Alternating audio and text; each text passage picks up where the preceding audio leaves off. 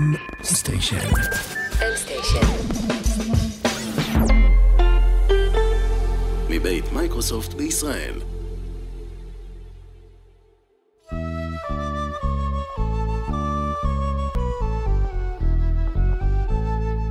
אמא אמרה לי דני, ילדי הוא גיבור ונבון. ילדי לא יבכה אף פעם.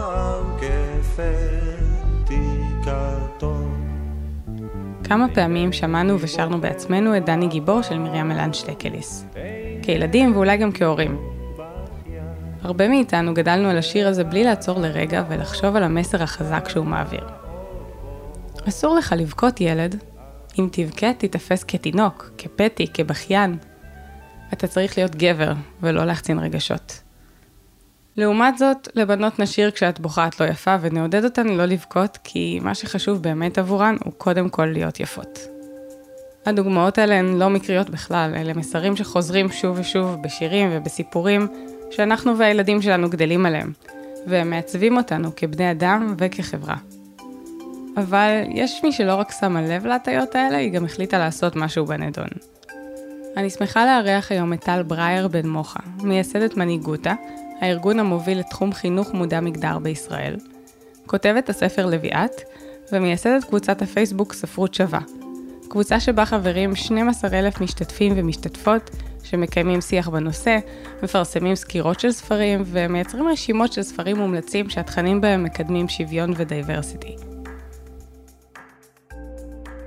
את עוסקת כבר עשר שנים בתחום, מאיפה זה בכלל התחיל? אמ, שאלה מאוד טובה. קשה לשים את האצבע בדיוק על, לפחות מהפן המגדרי, מתי זה התחיל, אני חושבת שזה ממש מה, מהילדות.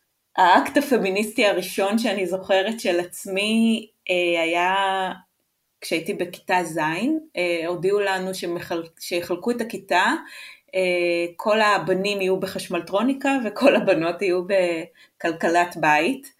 ואני זוכרת ממש את תחושת ההתקוממות שלי ושזה לא בסדר ולא ידעתי אפילו להגיד מה לא בסדר וכמובן שרציתי ללכת עם החברות שלי, לא שעניין אותי, לא חשמלטרוניקה לא עניין אותי ולא כלכלת בית, אבל משהו שם הרגיש לי כל כך כל כך מעוות ובאמת בתור ילדה חנונה כזאת, בימים הראשונים שלי ממש בחטיבה מצאתי את עצמי בחדרו של המנהל כשאני מסרבת, אה, מסרבת לחלוקה שהכתיבה לנו המורה. Uh, המנהל uh, ניסה להסביר לי, לא הצליח, קראו לאימא שלי, uh, אימא שלי זה שמחתי, ממנה שאבתי את ה, את ה, בכלל את הפמיניזם, אז כשהסבירו לה את הסיטואציה, היא אמרה להם, אני לא מבינה מה השאלה, ילדה צודקת. ובאמת מצאתי את עצמי בכיתה ז', ילדה אחת בחשמלטרוניקה, מתוך שש כיתות אני הייתי הנערה או הילדה היחידה. די סבלתי האמת, לא אהבתי חשמלטרוניקה בכלל, כנראה גם לא הייתי אוהבת ממש כלכלת בית, אבל מאוד מאוד התאמצתי שם כי היה לי ברור שאני מוכיחה משהו, אז לא ידעתי להגיד את המילים, אבל משהו יותר גדול מעצמי, לימים, כן, אני עושה קפיצה מאוד גדולה בשנים. בתור אימא, אני חושבת שאני זיהיתי את ההטיות המגדריות שחודרות אל החיים של הילדות שלי, ובהתחלה לא זיהיתי את ההטיות שאני בתוך הבית מכניסה, כמובן זה זיהוי הרבה יותר uh, מאוחר. אני זיהיתי את זה כשהבכורה שלי uh, הגיעה לגן, אני ממש זוכרת את הרגע, היא הייתה בגן uh, טרום טרום חובה והזמינו אותנו למסיבת חנוכה, ואני ממש זוכרת אותה יוצאת uh, יחד עם כל הבנות עם uh, מטפחות שקופות בריקוד, כשהבנים יושבים עם דרבוקות ואני ממש הרגשתי ככה סערת רגשות, כי היה לי ברור שהיא ספציפית, אם זו הייתה בחירה, הייתה בוחרת הדרבוקה, ממש היא לא הייתה ילדה של צעיפים וריקודים ו... ואני חושבת שזאת הייתה הפעם הראשונה שממש אה, חוויתי בצורה מודעת איך המגדר חודר ככה לחיים של הבנות שלי או של הבת שלי אז ומצמצם את האפשרויות בחירה שלה. והתסכול שלי היה מאוד גדול כי באותו שלב כשזה קרה אני כבר עבדתי כיועצת ארגונית עם צוותים חינוכיים על פיתוח מנהיגות חינוכית, ו... זאת אומרת הייתה לי גישה למנהלות ומנהלים, לסייעות בגנים, לגננות, אה, ואני אגיד גם גננים, למרות שיש לנו הרבה פחות לצערי, אז הייתה לי גישה אליהם, אבל לא ידעתי אה, בעצם אם אפשר, אה, איך אפשר ואם אפשר לשנות. ולקח לי כמה שנים עד שהבנתי שלגמרי אפשר, לגמרי אפשר לשנות תפיסות. בשנים הראשונות אני גם ממש פיתחתי את uh, תפיסת מנהיגותה, כי לא מצאתי, היו קצת חומרים מהאקדמיה, אבל הרבה פחות חומרים פרקטיים, זאת אומרת הייתה על זה כתיבה אקדמית, אבל הרבה פחות כתיבה פרקטית, אז מה לעשות, איך, איך לעשות את זה בעצם? אז ממש עבדתי כמה שנים, שנתיים עבדתי על, ממש על פיתוח התפיסה והגישה ואיך להפוך את זה ואיך לעשות את זה פרקטית בשטח. אה, ובשנים הראשונות באמת עבדתי רק עם צוותים חינוכיים, זאת אומרת רק עם גננות וסייעות ומורות ומורים ומנהלות ומנהלי חינוך על איך להפוך את הכיתות ואיך להפוך את הגנים למרחבים שהם מאפשרים, שהם מודעי מגדר במובן הזה שהם פותחים אפשרויות ולפחות לא מצמצמים את האפשרויות לילדות ולילדים.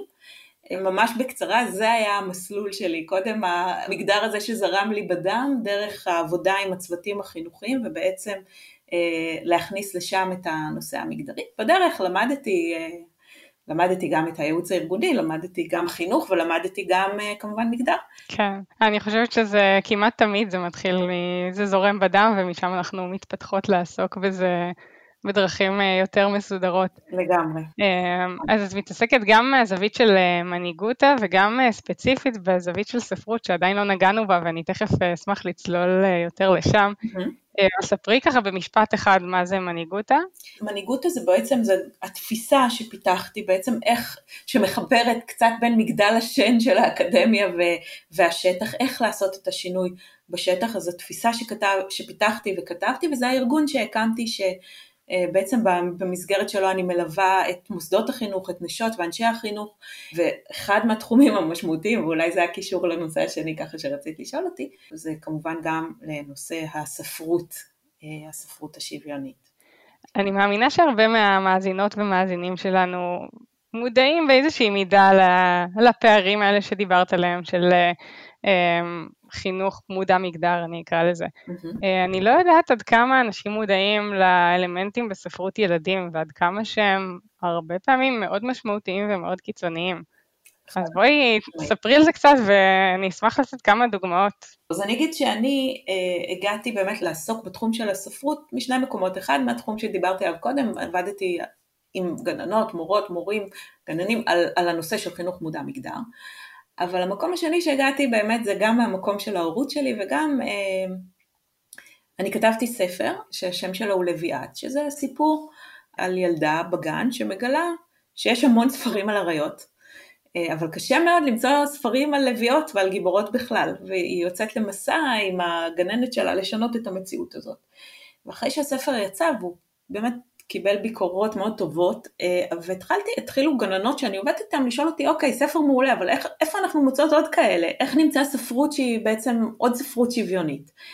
ואז התחלתי, התחלתי לכתוב, עשיתי, זה התחיל מזה שכתבתי רשימות על רשימות של ספרות שוויונית לגנים שבעצם עבדתי איתם והעברתי להם רשימות כדי שהם יקנו. ואז אמרתי זה לא יכול להיות, אני לא יכולה להמשיך ככה כי יוצאים אלפי ספרים כל שנה, אין שום סיכוי שאני יכולה אה, בעצם לתת חוות דעת על כל ספר כזה, ואז החלטתי, הכרתי את אה, מדד בקדל, אה, שזה מדד שמתייחס כן. לסרטים, ואמרתי רגע, אני יכולה, הרי אני כשאני פותחת ספר אני יכולה מאוד מהר לזהות, יחסית מאוד מהר לזהות את ההטיות המגדריות שבו, או גם אם יש בו אתגורי סטריאוטיפים, אמרתי אוקיי, אני, אני, אני אכתוב, אה, אני אתן כלי כזה, ובאמת כתבתי את אה, מדד מנהיגות על ספרות שווה, אה, שהמטרה שלו הייתה לתת כלי לנשות ואנשי חינוך וגם להורים לזהות עם ארבעה קריטריונים, אני תכף אולי אספר עליהם קצת, אה, לזהות את ההטיות שבתוך ה,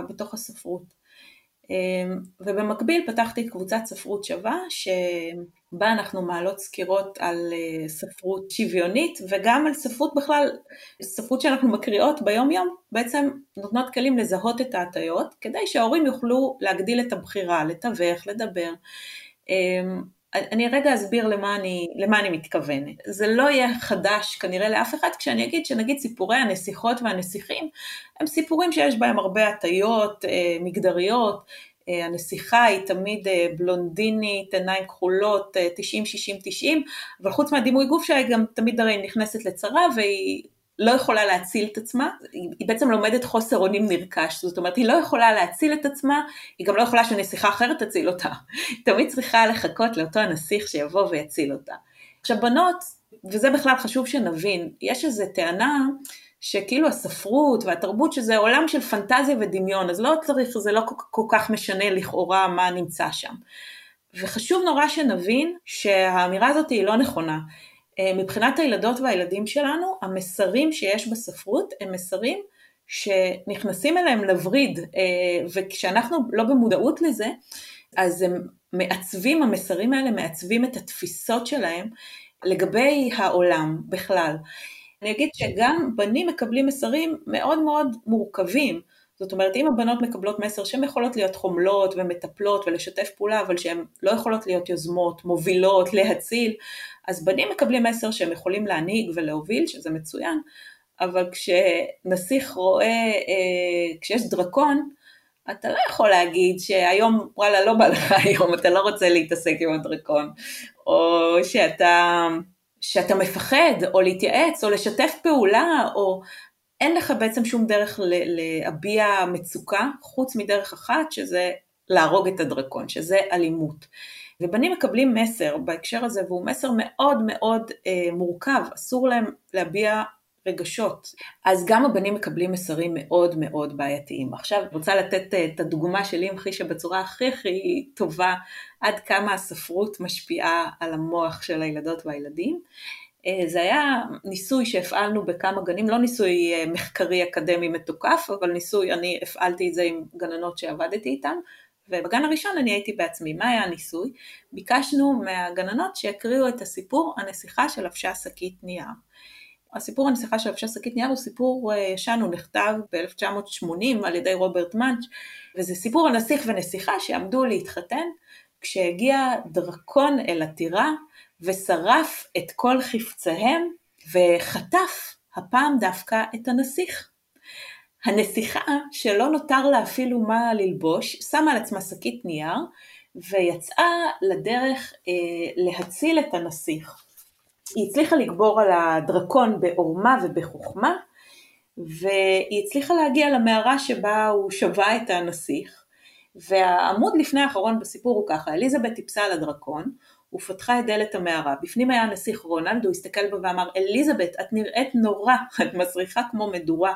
השיער שלך פרוע, ואת לובשת שקית נייר ישנה ומלוכלכת.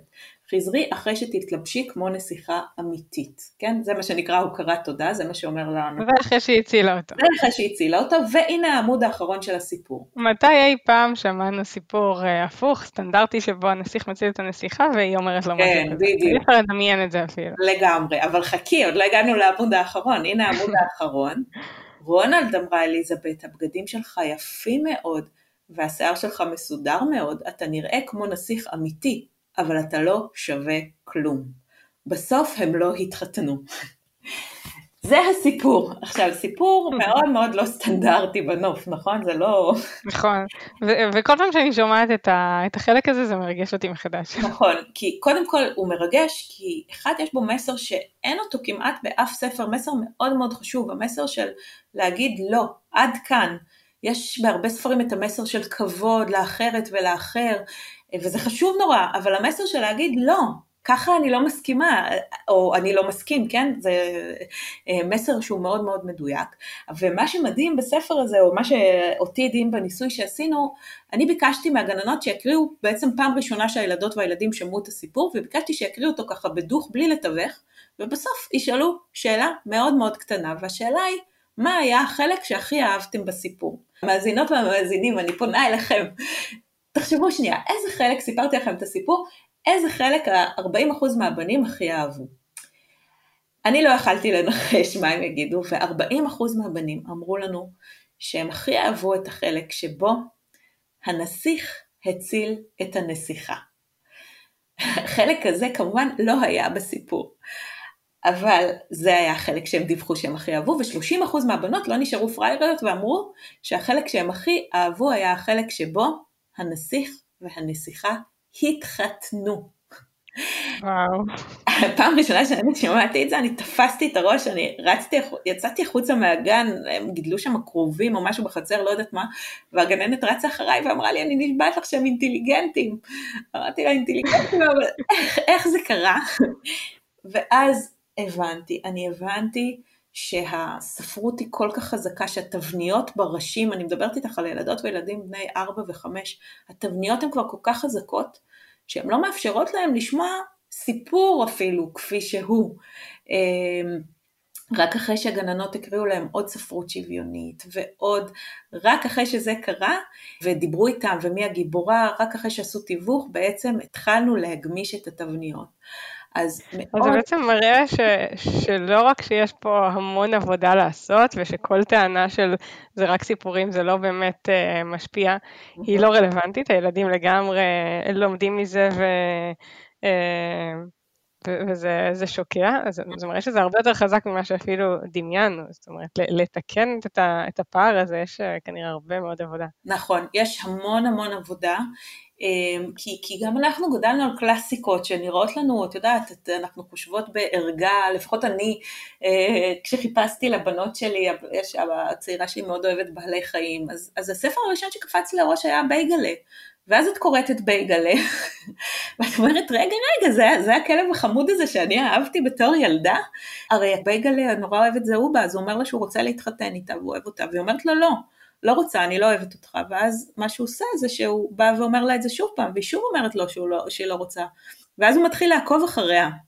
אמ, והוא עוקב ועוקב, ובסוף היא, היא כמובן אה, אה, נופלת, כמו סיפורי הנסיכות, נופלת לתוך בור, ואז הוא מגיע ומציל אותה, והיא מיד מתאהבת בו, והם נובחים באושר ובאושר עד עצם היום הזה, אבל בייגלה הוא למעשה סטוקר, הוא כאילו עוקב אחריה, הוא לא שומע את הלא שהיא אומרת לו, ואנחנו, כשאנחנו מקריאות את זה ומקריאים בחמידות כזאת לילדות ולילדים שלנו, אנחנו בעצם מעבירים מסר מאוד מאוד uh, קשה. Uh, אם אנחנו לא שמות לב ולא מתווכות את זה, או מדברות את זה, uh, של מה זה אומר להגיד לא, ועזבי שבכלל אין שם רצון הדדי, כאילו, הסכמה, מה זה הסכמה? כן, זה מלמד גם את הבנים שהם צריכים לא להקשיב ללא. Mm-hmm. וגם את הבנות ש...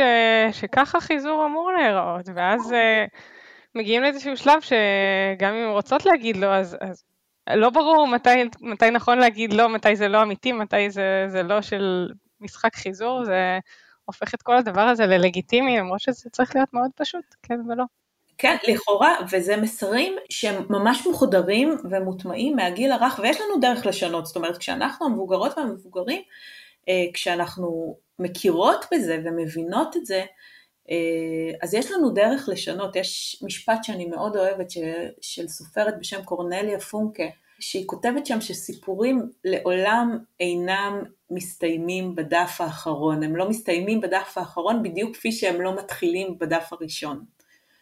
אה, ואני חושבת שזה משפט מאוד מאוד משמעותי לסיפורים, הסיפורים גם משקפים את החברה שלנו, אבל הם גם מעמיקים ומטמיעים את התפיסות הכי שורשיות נקרא לזה, גם התפיסות הלא מודעות שיש לנו בתוך החברה. ו, ו, ובאמת אני הקמתי גם את קבוצת, הזכרתי את קבוצת הפייסבוק ספרות שווה, שבקבוצה אנחנו מעלות סקירות על ספרות ילדות וילדים, ובעצם דרך מדד מנהיגות על הספרות שווה, אנחנו מתבוננות על הספר ועל ההטיות שנמצאות בו, כדי ש...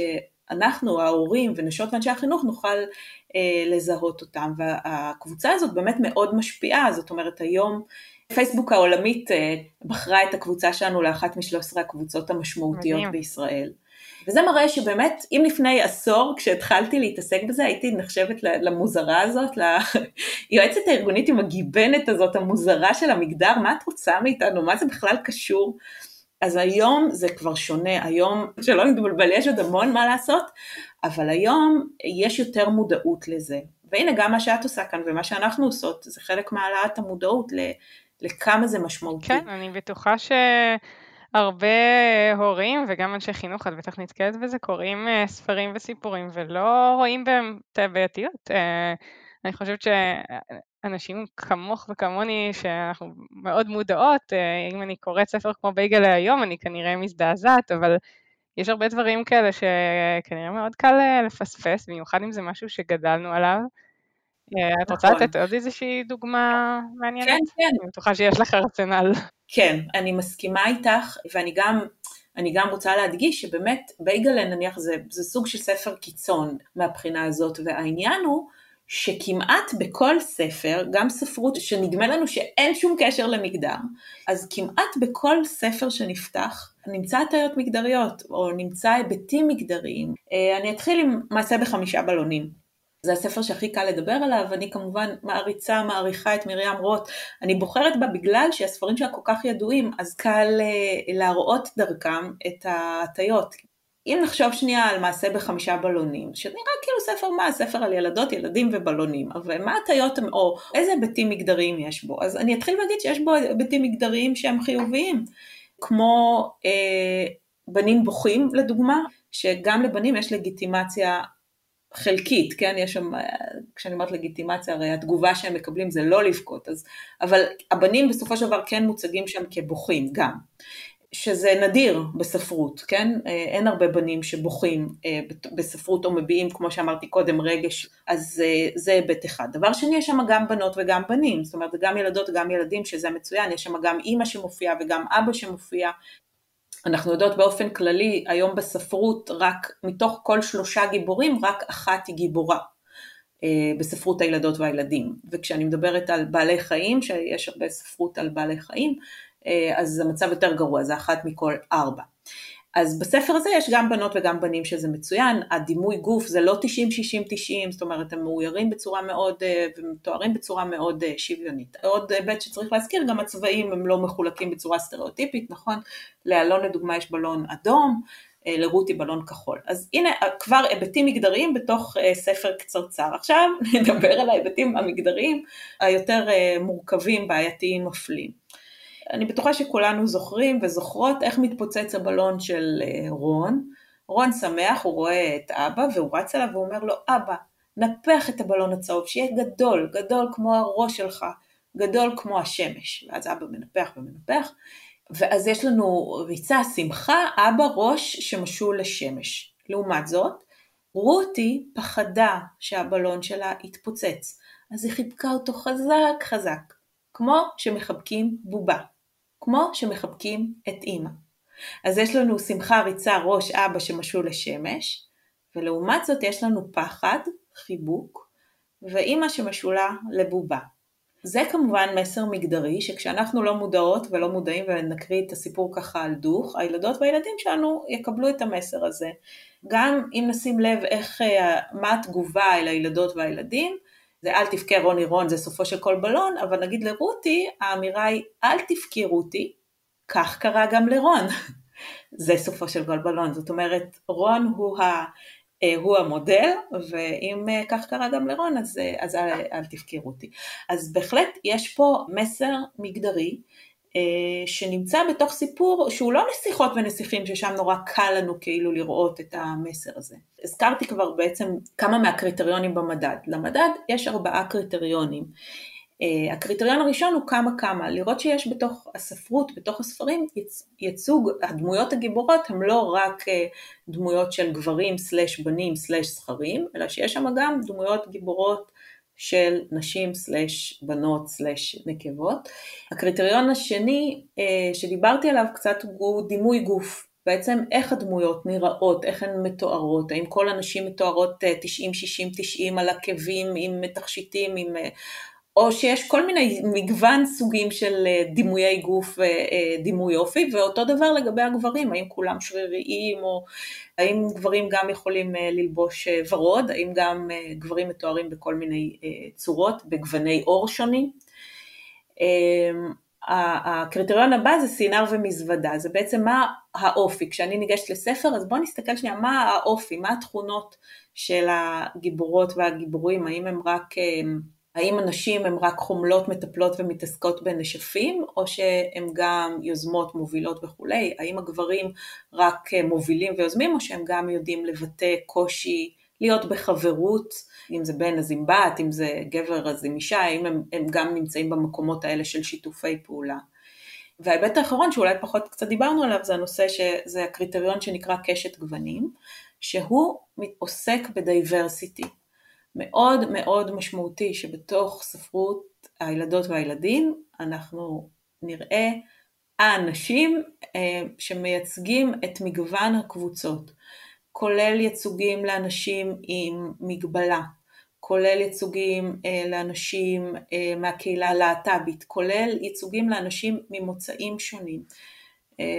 לפני כמה שנים הייתה את ההצגה סינדרלה עם בר רפאלי ונדמה לי שהאחיות היו שלישיית מה קשור, אם אני לא טועה, אבל מה שאני בטוח לא טועה זה שמי, ש, שמי ששיחקו את החיות הרעות היו אה, גברים, והם דיברו לאורך כל ההצגה בחטא ועין. עכשיו, זה מסר, והוא מסר מאוד מאוד קשה והוא מסר בעייתי והוא חוזר גם בסרטים וגם ב... הרבה פעמים, ה, לדוגמה, הדמות המלאה או השמנה היחידה שנראה בסיפור היא הדמות של המכשפה. כן. ברוב הספרים, אם תפתחי את הספרות שיש לך אפילו בבית, את תתקשי למצוא אפילו ילד או ילדה עם משקפיים.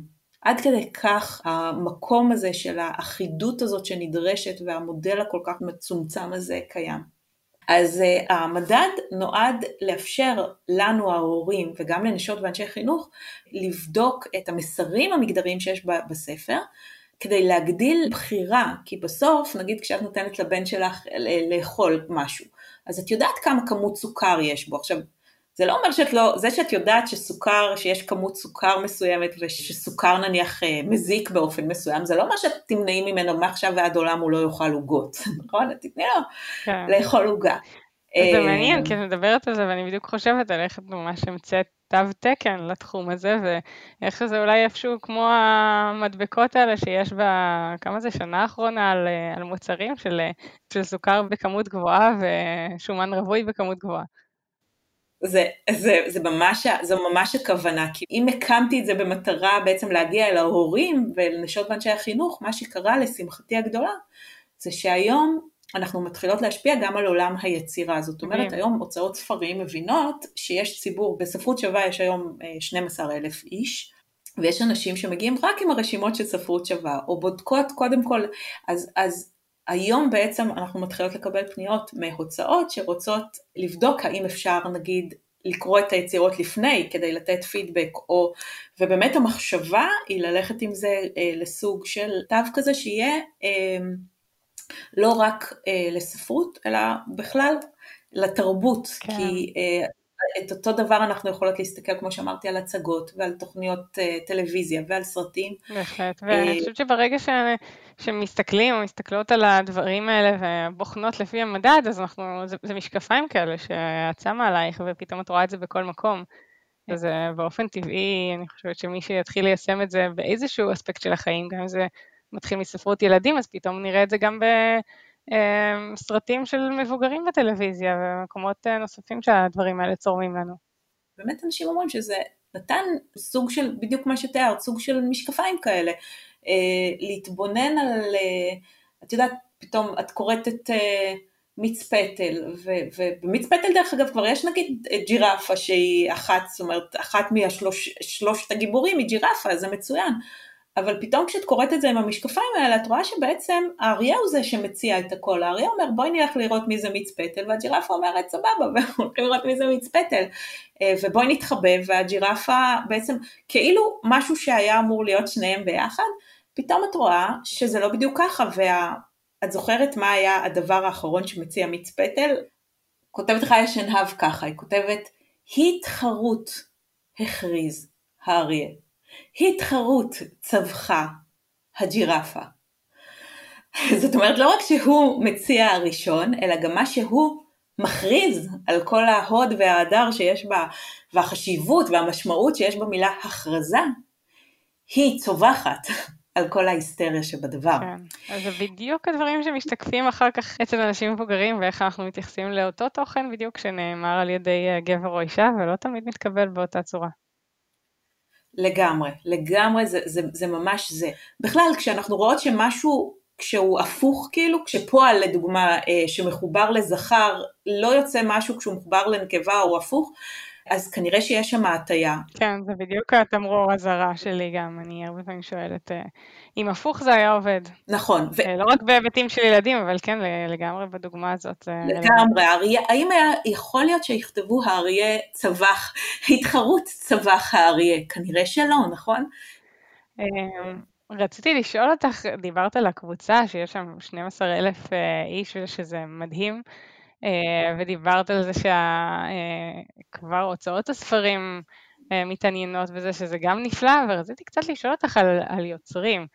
גם מבחינת לדבר עם יוצרים, הרבה ספרים הם ישנים, אז אולי זה קצת פחות רלוונטי, אבל דברים שהם כן יותר חדשים, גם מבחינת לדבר עם יוצרים וגם מסקרן אותי אם יצא לך לקבל תגובות מיוצרים שאת אה, מעבירה עליהם ביקורת למשל.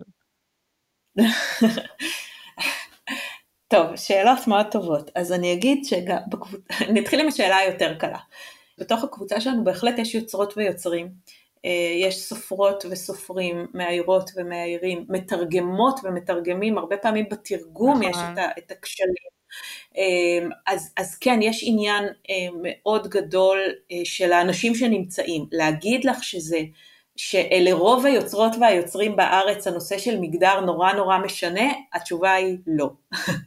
מתי אני נורא מתלהבת? כשאני רואה יוצרות ויוצרים שאני יודעת שזה לא, זה כאילו לא הדבר הכי משמעותי שלהם, אבל שהם מבינות ומבינים שיש פה ציבור ש, אה, שיש משמעות לעד, עד כמה הספר שלהם או היצירה שלהם תצליח, אם הם יצליחו להבין את הציבור הזה ואת הרצונות שלו, ואז היצירה משתנה לא רק כשה, כשאלה שמאוד מאוד מחויבות לדבר משנות אותה, אלא היצירה, או, או מחויבים, אלא היצירה משתנה כי בעצם אנשים שהם בתוך היצירה והחברות כמו ההוצאות וכולי, מתחילות להבין שזה קשור לביזנס.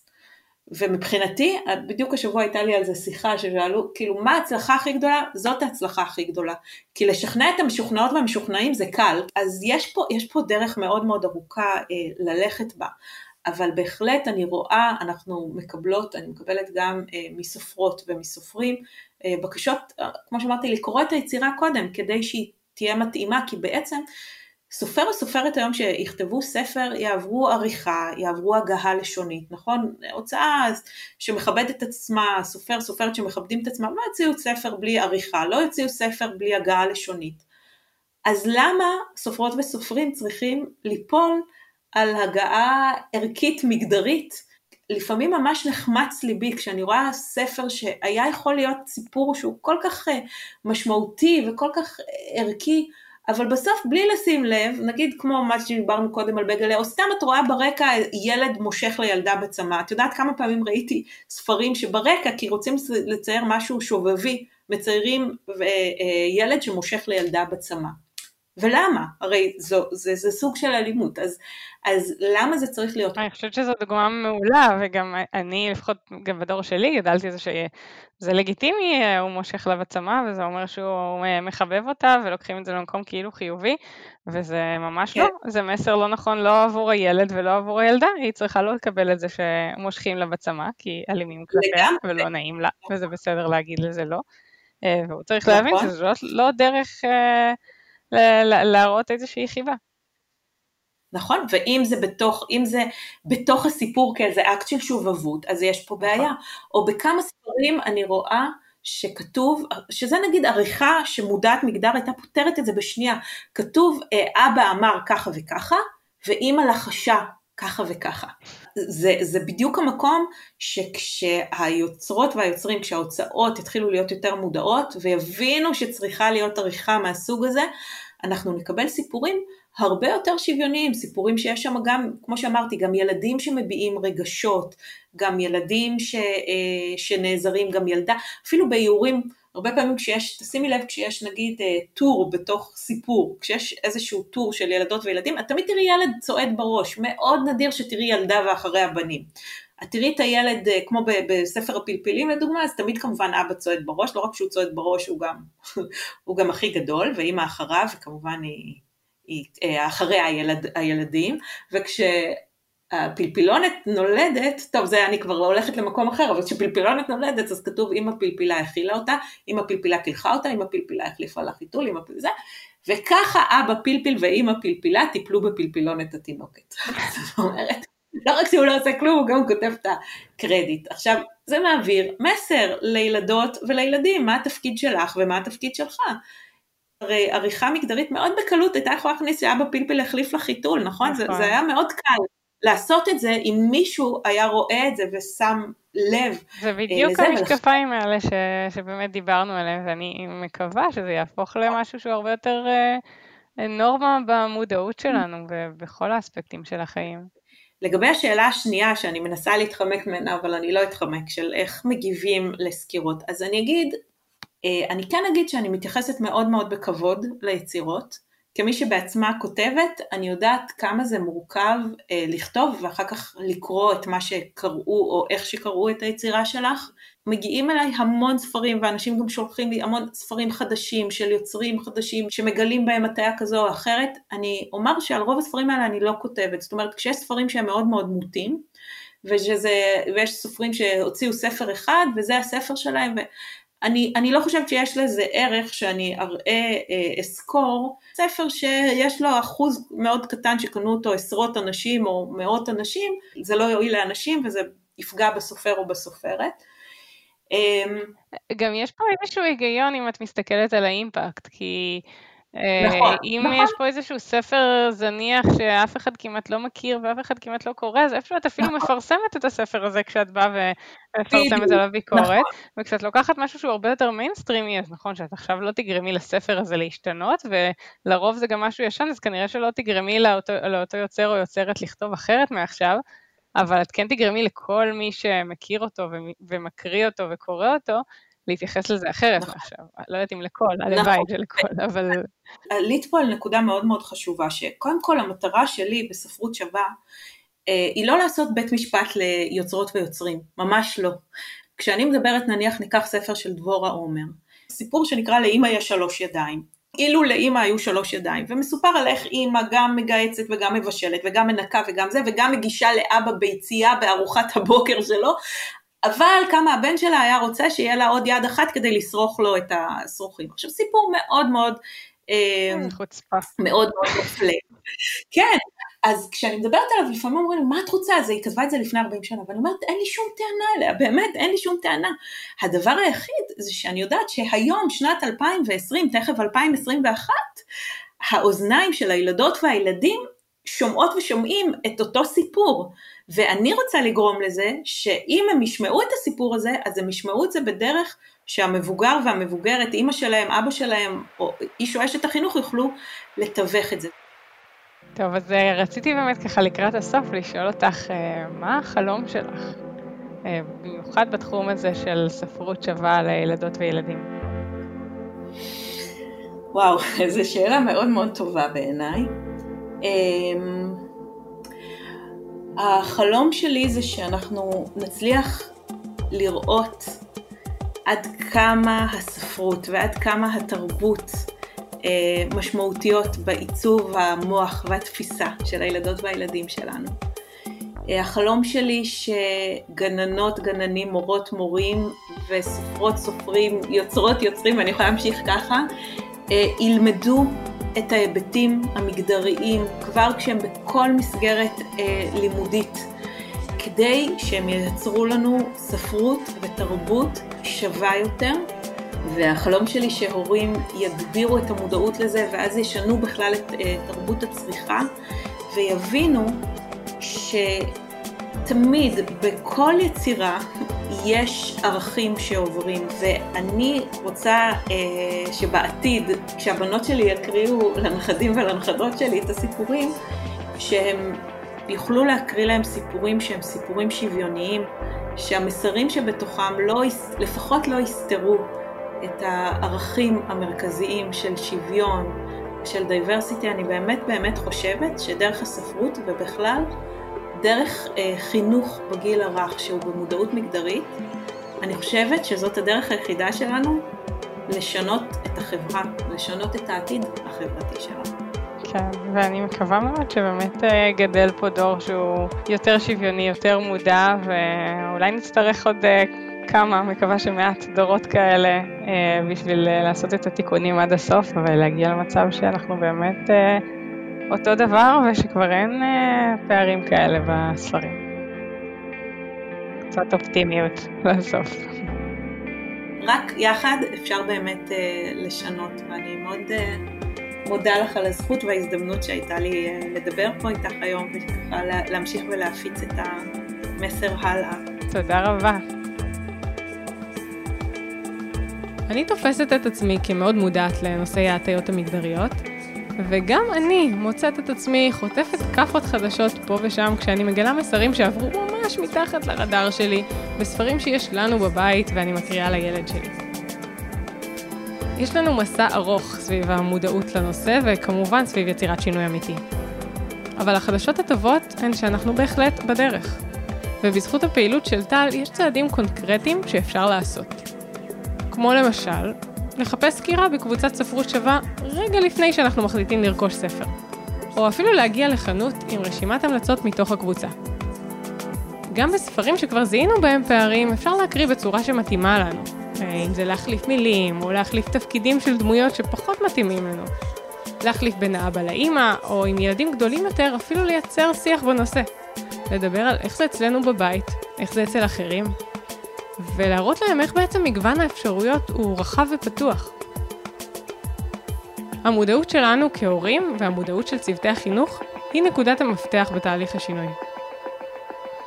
אז אתם מוזמנות ומוזמנים להצטרף לקהילת ספרות שווה ולמנהיגותה. אני באמת באמת ממליצה לצפות בהרצאות של טל, ולגלות שהדוגמאות שעלו בשיחה היום הן רק קצה הקרחון. אני מבטיחה לכם שלפחות פעם אחת בהרצאה תתפסו את הראש ותגידו לעצמכם, וואו, איך פספסתי את זה.